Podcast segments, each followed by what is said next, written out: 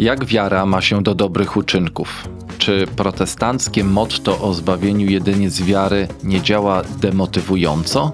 Czy twierdzenie, że można posiadać pewność zbawienia nie jest roszczeniowe względem Pana Boga? To pytanie, na które odpowiada Westminsterskie Wyznanie Wiary z 1646 roku, napisane przez ponad 100 najwybitniejszych brytyjskich teologów protestanckich ery nowożytnej i do dzisiaj jest uznawane za jeden z najważniejszych wyznaczników wiary dla presbiterian i ewangelików reformowanych na całym świecie.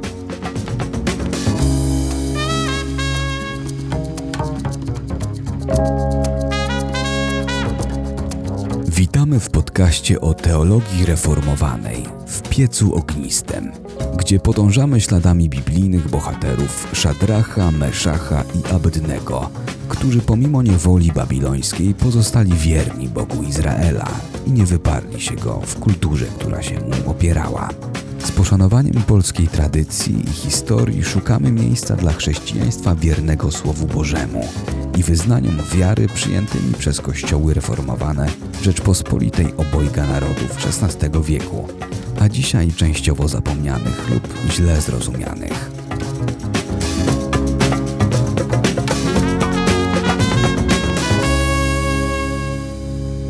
Rozdział 9 sesji 6 Soboru Trydenckiego nosi tytuł Przeciwko próżnej pewności heretyków i w ostrych słowach potępia każdego, kto na podstawie swojej wiary w Chrystusa uznałby, że otrzymał Bożą łaskę ku zbawieniu. W zamian teologowie trydenccy głoszą system oparty na wierze, sakramentach i dobrych uczynkach, przez które wypracowujemy swoje zbawienie, a nawet jeżeli wypracować go nie zdążymy, to zawsze można trafić do czyśćca. Jednak biblijna nauka o wadze dobrych uczynków jawi się zupełnie inaczej. I właśnie o tym chciałbym dzisiaj porozmawiać z naszymi gośćmi. Witam Michała Kuzia, politologa i publicystę wykładającego na uczelni Łazarskiego. Kłaniam się serdecznie. Mateusza Kupca, dyrektora wydawnictwa Instytutu Tolelege i autora przekładu Westminsterskiego Wyznania Wiary, który dzisiaj omawiamy. Witam serdecznie. A ja mam na imię Dariusz Bryćko i jestem prezesem Instytutu Tolelege, wykładowcą i duchownym jednoty litewskiej.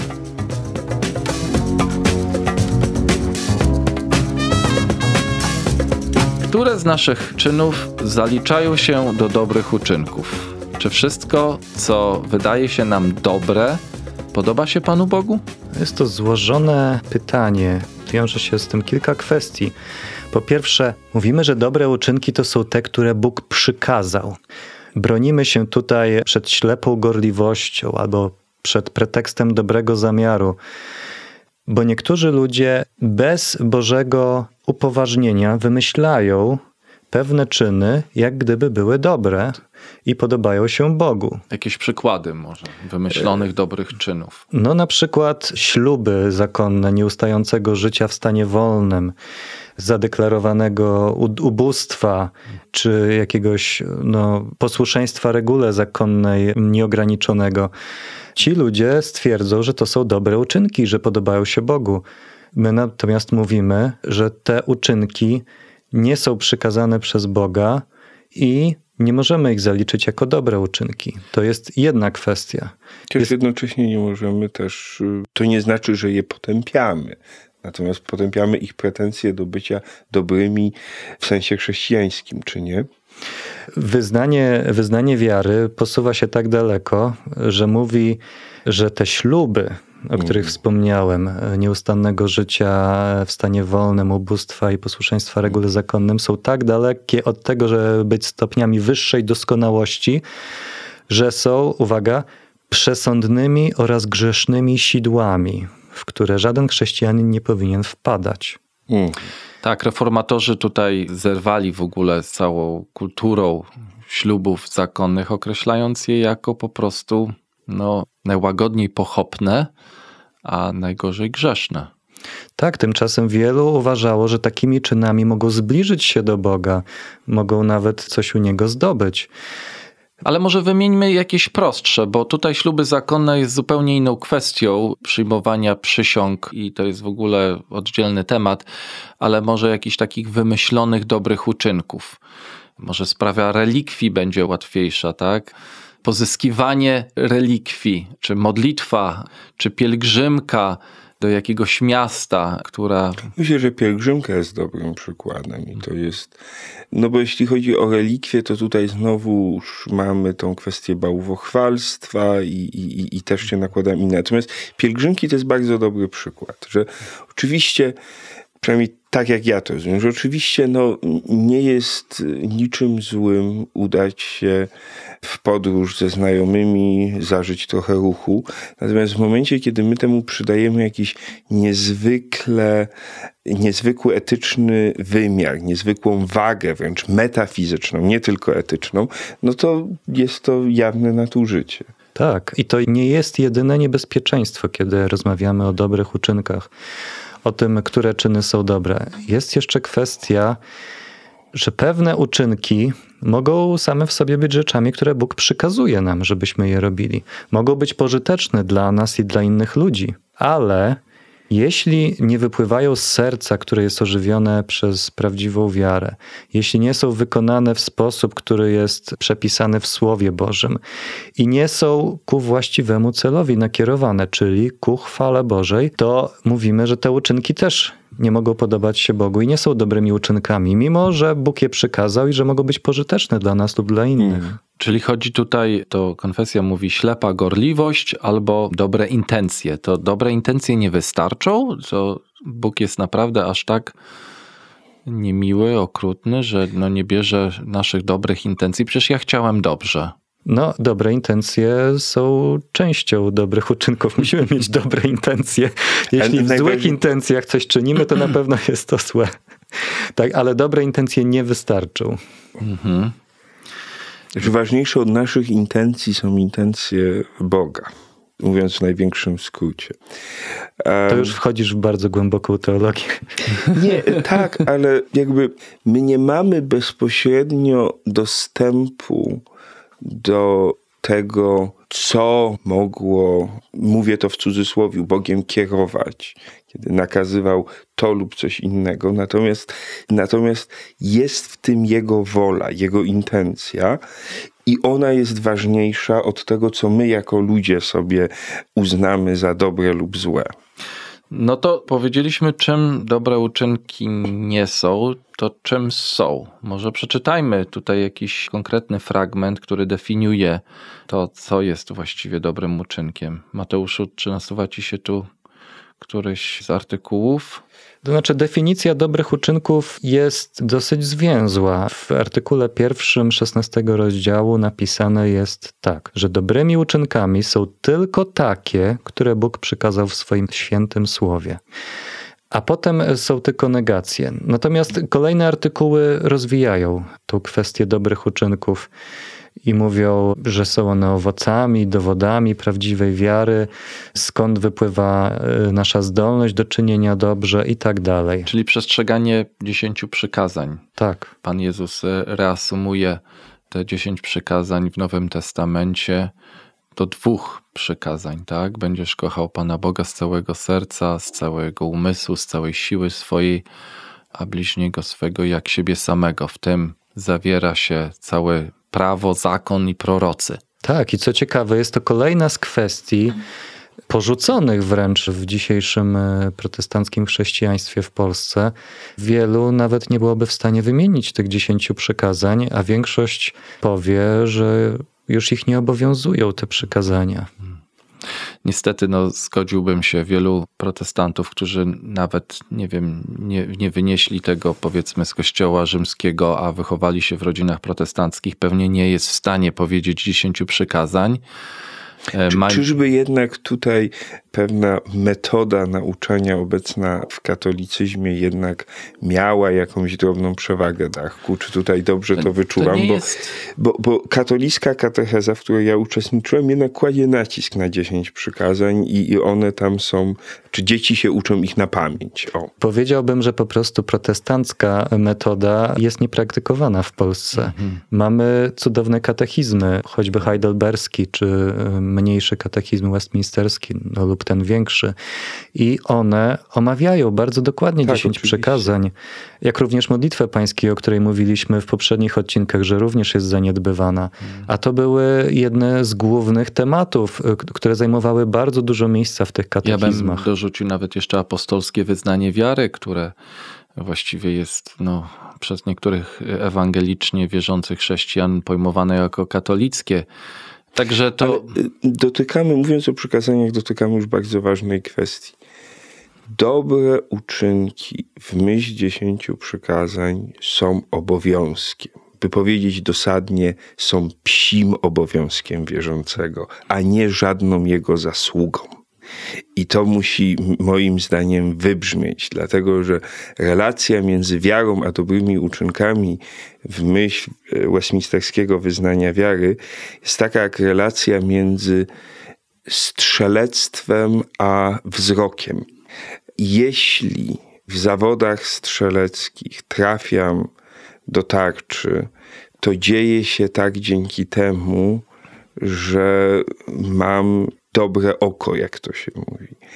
Natomiast jeśli człowiek niewidomy, dzięki odpowiedniemu ustawieniu i instrukcji, nawet są takie zawody, jest w stanie oddać strzał i trafić do celu, no to owszem, on trafił do celu, ale to wcale nie znaczy, że on, że jemu wzrok wrócił. Tak?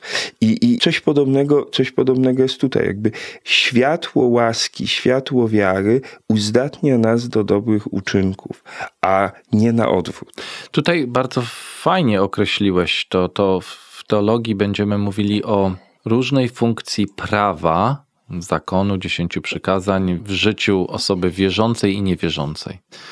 Bo ta funkcja prawa dla osoby niewierzącej to jest takie no, pokazanie, że jest grzeszna i że jeżeli się nie upamięta, to zostanie potępiona.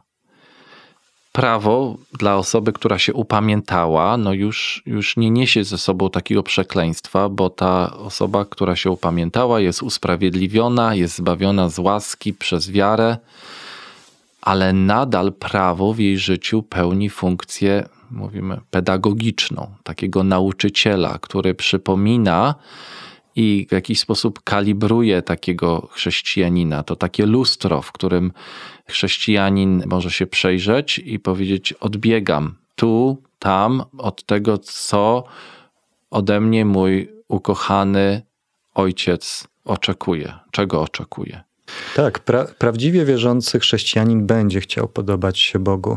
Pytanie, czy będzie to robił w dobry czy w zły sposób. Wielu powie, że oni po prostu czekają, aż jakaś myśl pojawi się w nich, i to jest myśl od Boga, czego Bóg od nich oczekuje w danej sytuacji i co będzie tym dobrym uczynkiem, i w konsekwencji, jak będzie wyglądało dobre życie. Więc oni oczekują tych spontanicznych myśli czy impulsów, które w nich się pojawiają. Niestety zaniedbują przy tym to, co Bóg nam objawił w jasny sposób, czyli dziesięć przykazań.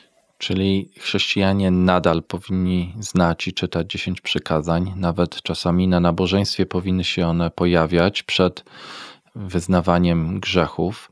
Modlitwa pańska to jest modlitwa dla chrześcijan, a apostoł Paweł, który zmaga się z grzechem w liście do Rzymian i mówi: Robię to, czego nie chcę, to mówi to jako człowiek wierzący, a nie jako niewierzący. Czyli pomimo to, że jesteśmy usprawiedliwieni, to ten proces uświęcenia jest ciągłą walką z grzechem.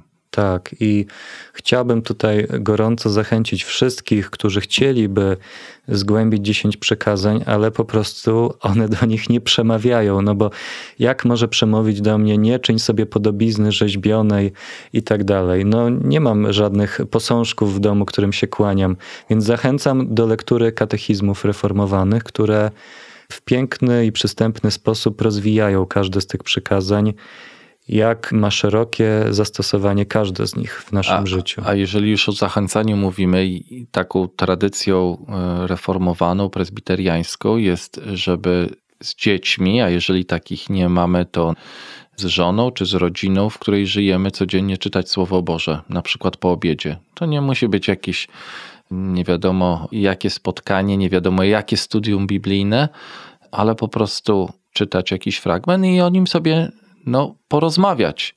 I to jest coś, co dzisiaj w kościołach protestanckich jest zupełnie nieznane. Umówmy się, że szczególnie w tradycji prezbiteriańskiej katecheza odbywa się w domu, katecheza dzieci. To rodzice są odpowiedzialni za nauczanie religii, a nie, a nie szkoła, a nawet nie Kościół. Kościół wspiera rodziców w nauczaniu religii, bo to skąd wynosimy chrześcijaństwo, skąd wynosimy wiarę, to jest dom. Jeżeli ojciec i matka tej wiary nie przedstawią w słowie i w życiu, to daremno będą się trudzić nauczyciele, pastorzy, bo, bo to dziecko będzie odbierało tą wiarę jako pełną hipokryzji. Dobrze, to teraz kolejne pytanie, y, które chciałbym, abyśmy podjęli. To czy dzięki dobrym uczynkom możemy sobie coś u Boga wynegocjować? Często przekupujemy się z Panem Bogiem i mówimy: No, jak ja już to zrobię, to ty mi to dasz, albo jeżeli będę się tak starał, to wtedy może ta podwyżka w pracy y, poszczęści mi się, czy, czy w taki sposób chrześcijańskie bóstwo działa. No, tutaj również jest wiele kwestii, które moglibyśmy poruszyć. Jedną z nich na przykład jest nieskończona przepaść, jaka jest między nami a Bogiem. I cóż temu Bogu możemy dać? Jaką korzyść możemy mu przynieść, nawet najlepszym naszym e, czynem? Nawet za nasz dług, e, naszych grzechów nie jesteśmy w stanie zadośćuczynić, a co dopiero dołożyć jeszcze do tego i zapracować na coś, żeby, żeby coś miłego nam dał w życiu. No, Słowo Boże porównuje się nawet takim przykładem, że nieużytecznego sługi, że gdy uczyniliśmy wszystko, nawet co w naszej mocy, żeby, żeby zrobić to, co Bogu się podoba, to jesteśmy nieużytecznymi sługami, bo co, co winniśmy byli czynić, uczyniliśmy. I nic Bogu nie dodaliśmy do Jego korzyści, do Jego chwały. Bóg jest samowystarczalny. Nie możemy Go przekupić, przekonać naszymi uczynkami. Jest to niemożliwe. Uczynki są wyłącznie naszym obowiązkiem. Nie należy też tym rozumieniu, jakie, jakie prezentuje westminsterskie wyznanie wiary, nie należy dobrych uczynków traktować też w kategoriach ofiary one są obowiązkiem przede wszystkim, one nie są ofiarą. To nie jest tak, że, że, że możemy jakieś nasze zmaganie się z przeciwnościami, które pojawiają się często, kiedy chcemy czynić dobrze, potraktować jako ofiarę, jako poświęcenie, które możemy ofiarować Bogu. A to, to też jest widoczne w wielu nurtach chrześcijańskich, jest na pewno widoczne w katolicyzmie.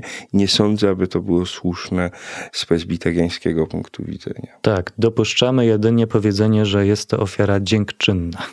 Tak. Jest to, bo nasze dobre uczynki wynikają z dziękczynienia, z wdzięczności za to, co Bóg uczynił dla nas. My Bogu nic nie dodamy. Naszym Jeśli chodzi o ofiarę, to wystarczającą i jedyną ofiarą, jaką my uznajemy, był Zbawiciel. To może przeczytajmy artykuł 5 rozdziału 16, bo wydaje mi się, że on bardzo ładnie uchwyca to, o czym my tutaj staramy się powiedzieć. Mateuszu. Czytamy w tym artykule nie jesteśmy w stanie przez najlepsze nawet swe uczynki zasłużyć z Bożej ręki na przebaczenie grzechu czy żywot wieczny, w związku z wielką dysproporcją, jaka jest między uczynkami tymi a chwałą, która ma nadejść, a także w związku z nieskończoną przepaścią, która jest między nami a Bogiem, któremu tu Bogu przez uczynki te nie możemy ani przynieść korzyści, ani zadośćuczynić za dług dawniejszych naszych grzechów, Lecz gdy uczyniliśmy wszystko, co w naszej mocy, sługami nieużytecznymi jesteśmy, bo co winniśmy byli uczynić, uczyniliśmy.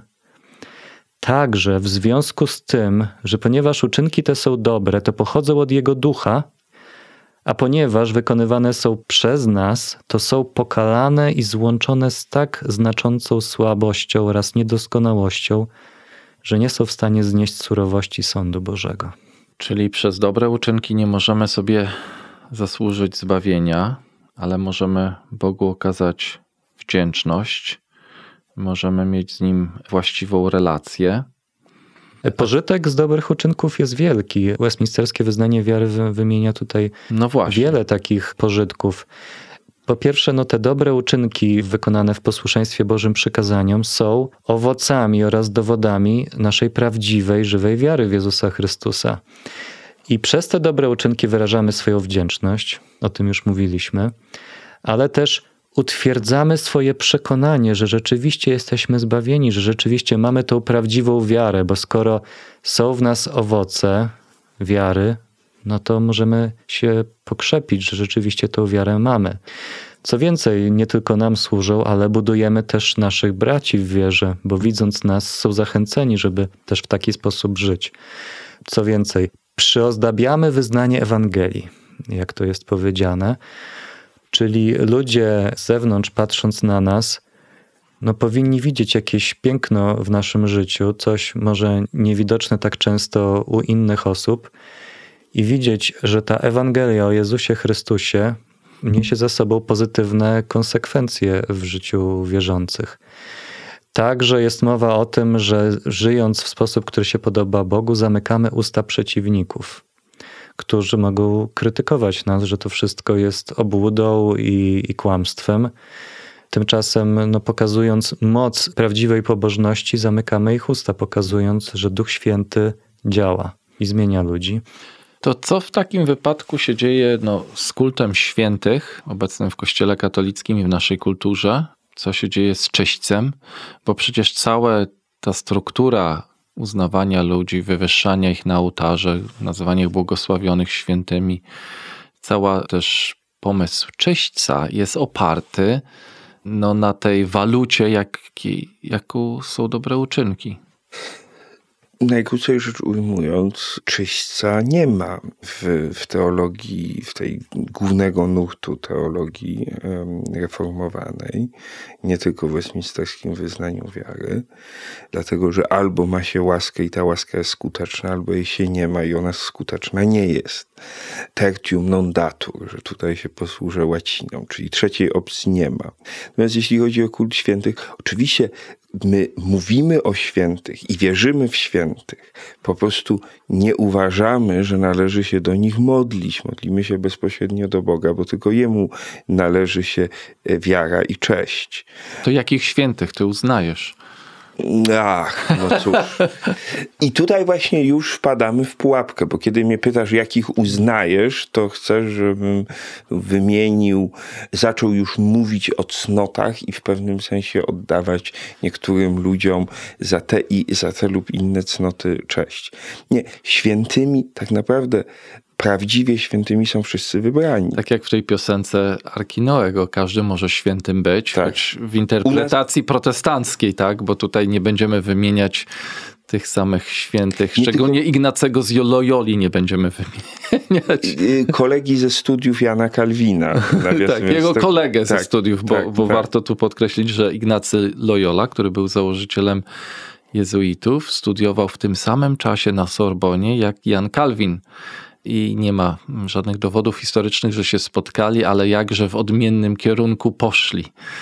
Ale tak, e, wierzymy tutaj, podpierając się też listem do Hebrajczyków, że jesteśmy świętym kapłaństwem Bożym, czyli wszyscy, którzy są zbawieni, uświęceni krwią Chrystusową, są święci. No a, a takie szczególne miejsce w naszym panteonie by zajęli tutaj znowu bohaterzy wiary z listu do Hebrajczyków i oni są tam wymienieni i to są no, poza oczywiście apostołami osoby ze Starego Testamentu, od Abrahama począwszy. I dlatego też w czasie reformacji, kiedy został odrzucony kult świętych, jako tych, którzy sobie zasłużyli dobrymi uczynkami na to i tamto, no taka tradycja nazywania dzieci imionami świętych i, i protestanci, i także protestancka szlachta zaczęła używać imion hebrajskich e, jako tych imion, które zastąpiły imiona świętych. Także gdyby spojrzeć XVI-XVII wiek, to mamy i tych i Samuelów, i, i nie wiem, tutaj nie nasuwają mi się kolejne imiona jakieś bardzo Że- popularne. że Święci w protestantyzmie, nawet jeśli wiemy więcej o ich życiu, nawet jeśli ich wiara przyniosła owoce, które, no, mówiłem przykład o świętym Augustynie, które, z których my do teraz czerpiemy i to są takie Dla nas potężne, Augustynie.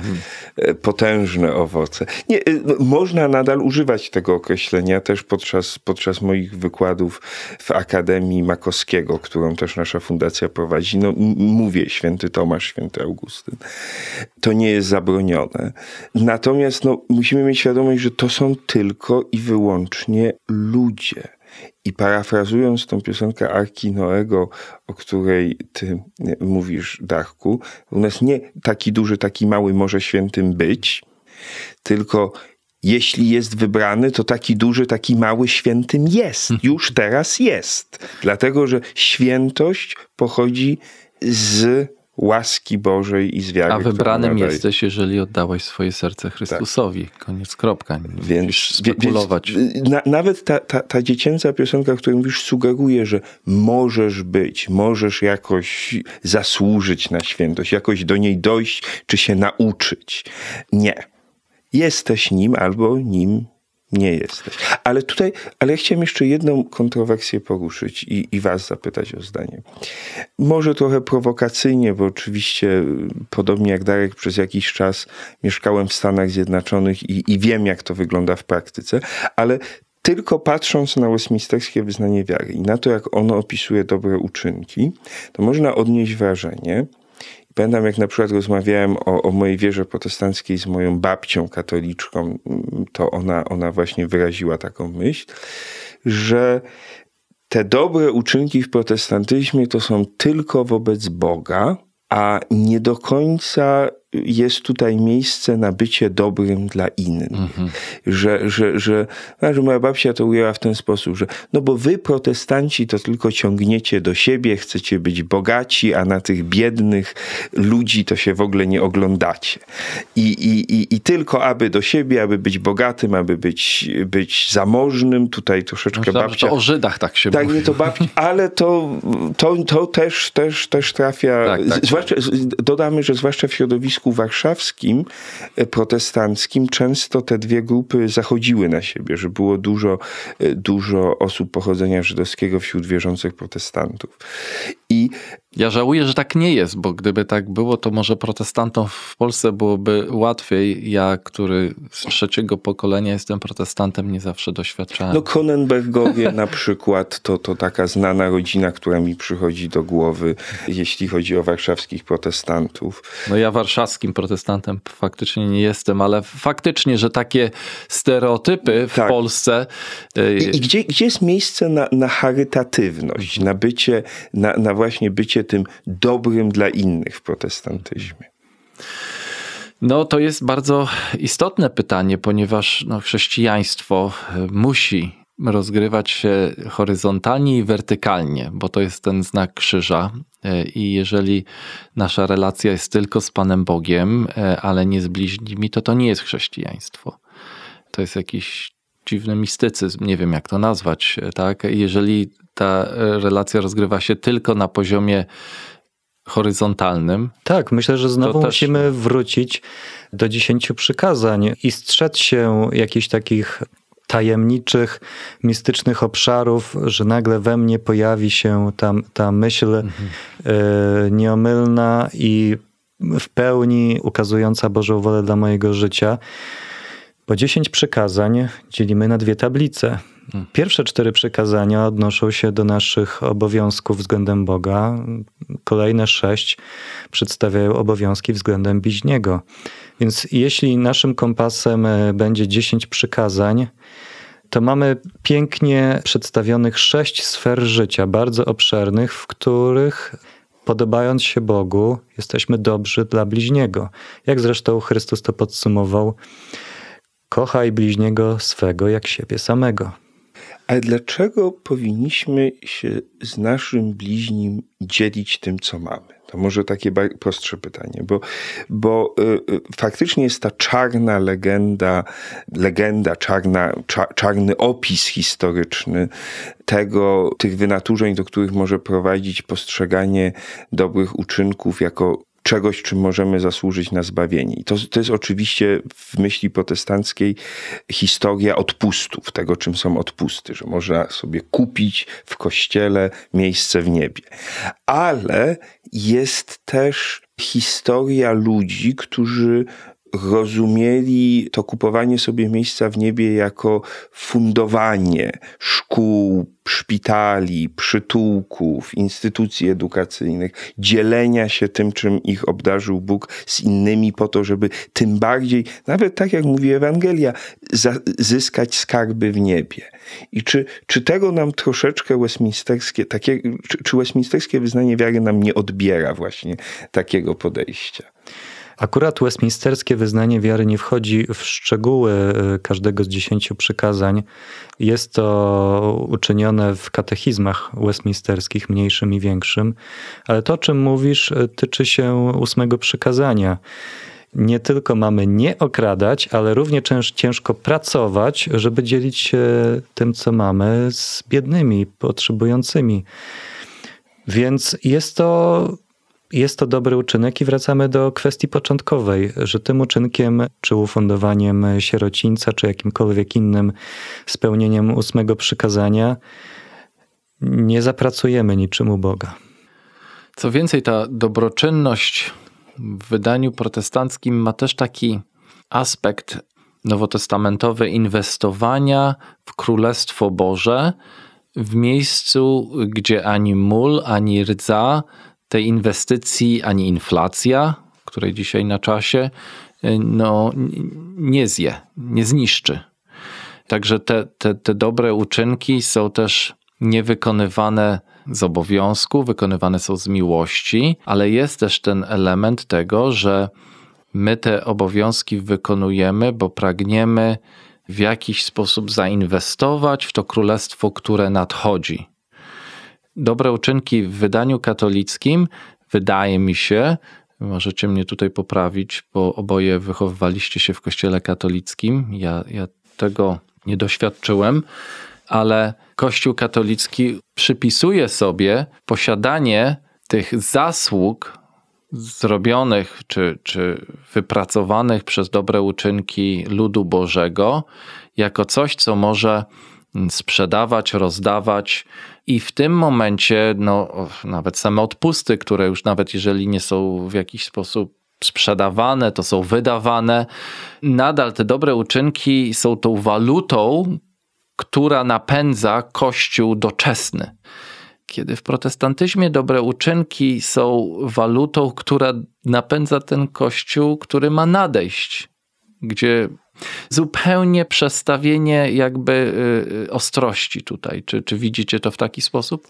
No, ale ja bym tutaj dodał, jak już mówimy o inwestowaniu, że, że, że ostrożnie, że my inwestujemy nie na swoim prywatnym koncie po to, żeby tam nam było dobrze, ale my budujemy coś na chwałę boską. Mhm. Tak? My budujemy coś na chwałę boską i, i to zdaje się, zdaje się Rockefeller powiedział, że dla niego działalność charytatywna nie polega na tym, że on coś kupuje za, za, te, za te zasoby, które ma, tylko polega na tym, że grzechem byłoby to, czym został obdarzony, zatrzymać tylko dla siebie. Jest jego obowiązkiem podzielenie się. To bardzo ciekawe, bo e, ta tradycja darczyństwa, e, która zresztą w Stanach Zjednoczonych jest bardzo rozwinięta e, i z którą ja mam dużo do czynienia, ponieważ nasza fundacja jest też wspierana przez darczyńców ze Stanów Zjednoczonych.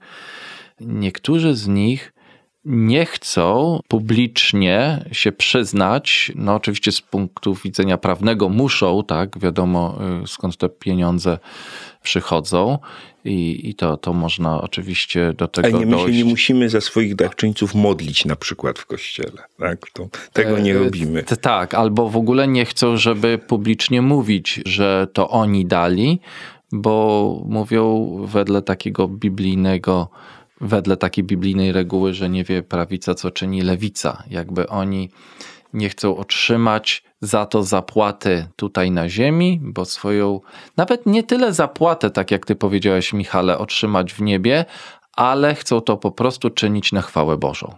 Tak, tak. Myślę, że to jest słuszne. Jeśli tak powiedziałem, to, to cofam to. Patrząc na kolejne rozdziały wyznania, 17 i 18, czytamy o pewności zbawienia. Z czego pewność zbawienia w życiu chrześcijanina się wywodzi? Czy to jest ta próżność, czy to jest ta postawa roszczeniowa, którą zarzucają nam nasi przyjaciele z Kościoła Rzymskokatolickiego? No, musimy tutaj nawiązać do wielu kwestii, które omawialiśmy w poprzednich odcinkach, ponieważ nasza pewność e, zbawienia nie opiera się na jakiejś sile naszej woli. Dotrwamy, bo, bo po prostu jesteśmy tak silni, ale to się opiera na niezmienności tego, co Bóg ustalił przed wszystkimi wiekami, kiedy wybrał nas do zbawienia. Ta Jego miłość jest niewzruszona i, i nie zmienia się. Więc to jest jeden z takich filarów naszej pewności. Kolejnym filarem jest to, co zrobił Jezus Chrystus. Jest skuteczne dla nas. Nie może zawieść. Jego śmierć, Jego zmartwychwstanie, Jego wstawiennictwo za nas po prawicy Ojca jest to po prostu skuteczne. Również Duch y, Boży, który w nas mieszka, przekonuje nas, że jesteśmy dziećmi Bożymi, no a Bóg swoich dzieci y, nie odrzuci. Uświęcił nas już tym duchem, uznał nas jako swoje dzieci w swoim Synu jedynym umiłowanym Jezusie Chrystusie. I to są filary, które sprawiają, że ta nasza pewność nie jest jakimś przypuszczeniem, jakimś subiektywnym odczuciem. Tak, oceną prawdopodobieństwa, nadzieją, która może zawieść, ale jest niezawodnym przekonaniem wiary. Jest czymś bardziej obiektywnym, czyli w tym pytaniu, które ktoś może zadać, czy ty masz pewność swojego zbawienia? Ja odpowiadam tak, mam pewność, nie ze względu na to, co ja zrobiłem, kim jestem. Gdybym tylko... patrzył tylko na siebie, absolutnie bym tej pewności nie miał. Mam ją dlatego, że patrzę na Boga. Czyli to nie jest postawa, która jest pyszną postawą, roszczeniową. To jest postawa wręcz wielkiej pokory i zwrócenia się z powrotem na Pana Jezusa. No tak. Mówiliśmy przed chwilą o, o tym, jak wygląda, jak wygląda charytatywność w Stanach Zjednoczonych. E, ja muszę powiedzieć, że, że w czasach, kiedy mieszkałem w Stanach Zjednoczonych, zetknąłem się z jeszcze jednym takim zwyczajem wśród reformowanych, zwłaszcza może ewangelikalnych chrześcijan, nie tylko reformowanych, bo, bo wśród ewangelikałów to, to było faktycznie takie już dosyć wyczuwalne. I ten zwyczaj polegał na tym, że siadając obok kogoś, nawet zdarzyło mi się raz nawet na ławeczce na uczelni, ale w kościele to częściej, to można było od tego kogoś usłyszeć następujące pytanie. On się odwracał, pamiętam właśnie na uczelni dziewczyna się tak odwróciła, spojrzała mi głęboko w oczy i zapytała mnie, are you saved? Czy jesteś, czy jesteś zbawiony?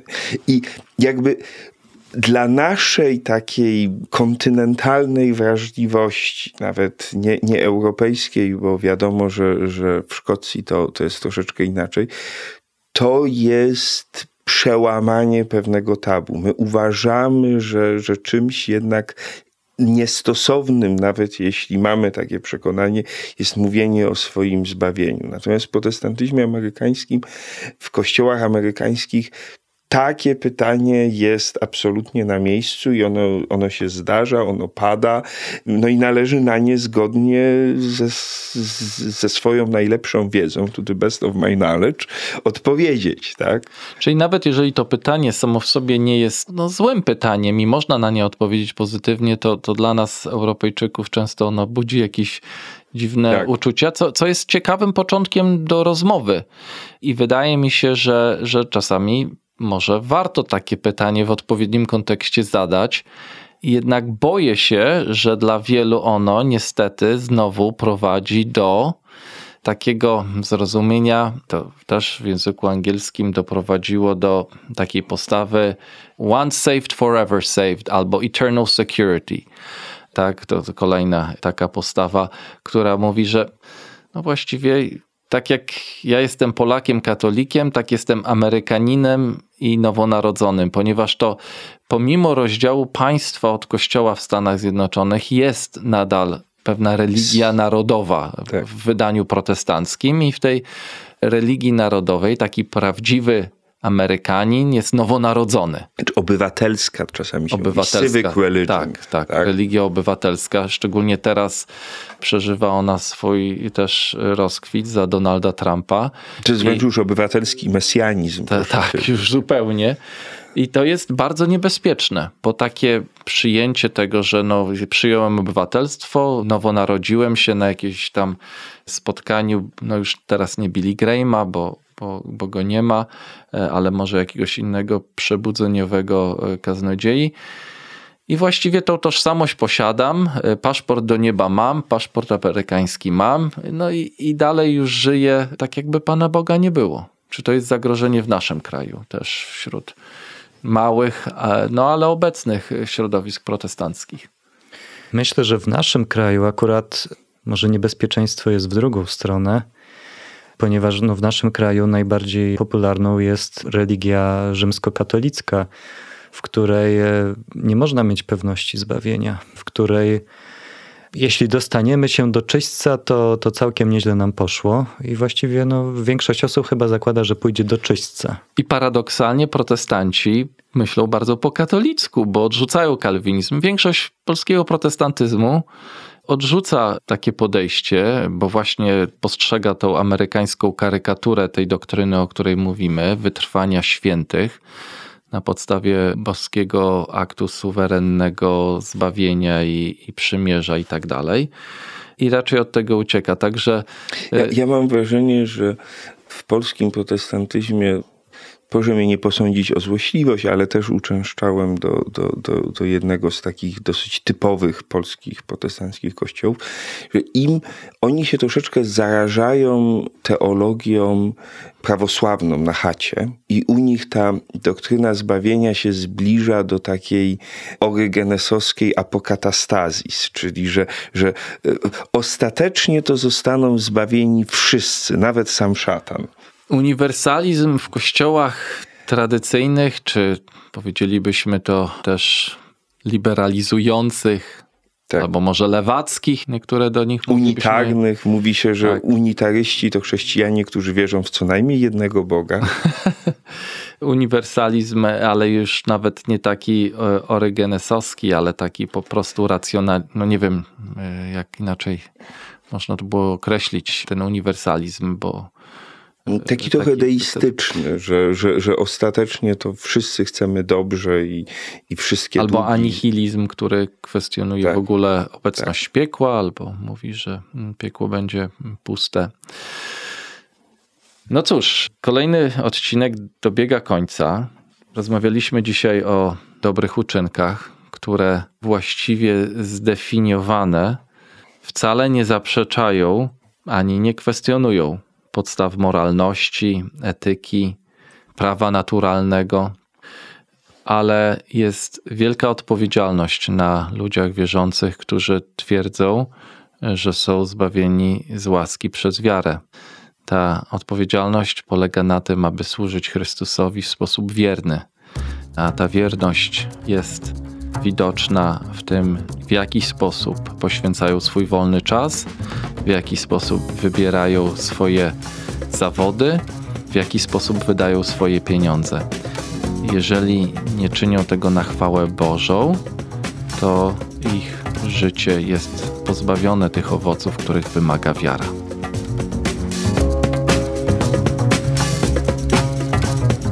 Zapraszamy na kolejne odcinki naszego podcastu W piecu ognistym, które planujemy udostępniać co drugi tydzień. Zapraszamy także do odwiedzenia księgarni internetowej Instytutu Tole Lege, gdzie można nabyć kopię westminsterskiego wyznania, a także inne wartościowe pozycje dotyczące teologii i historii kościołów pragnących pozostać wiernymi Biblii w dzisiejszej kulturze.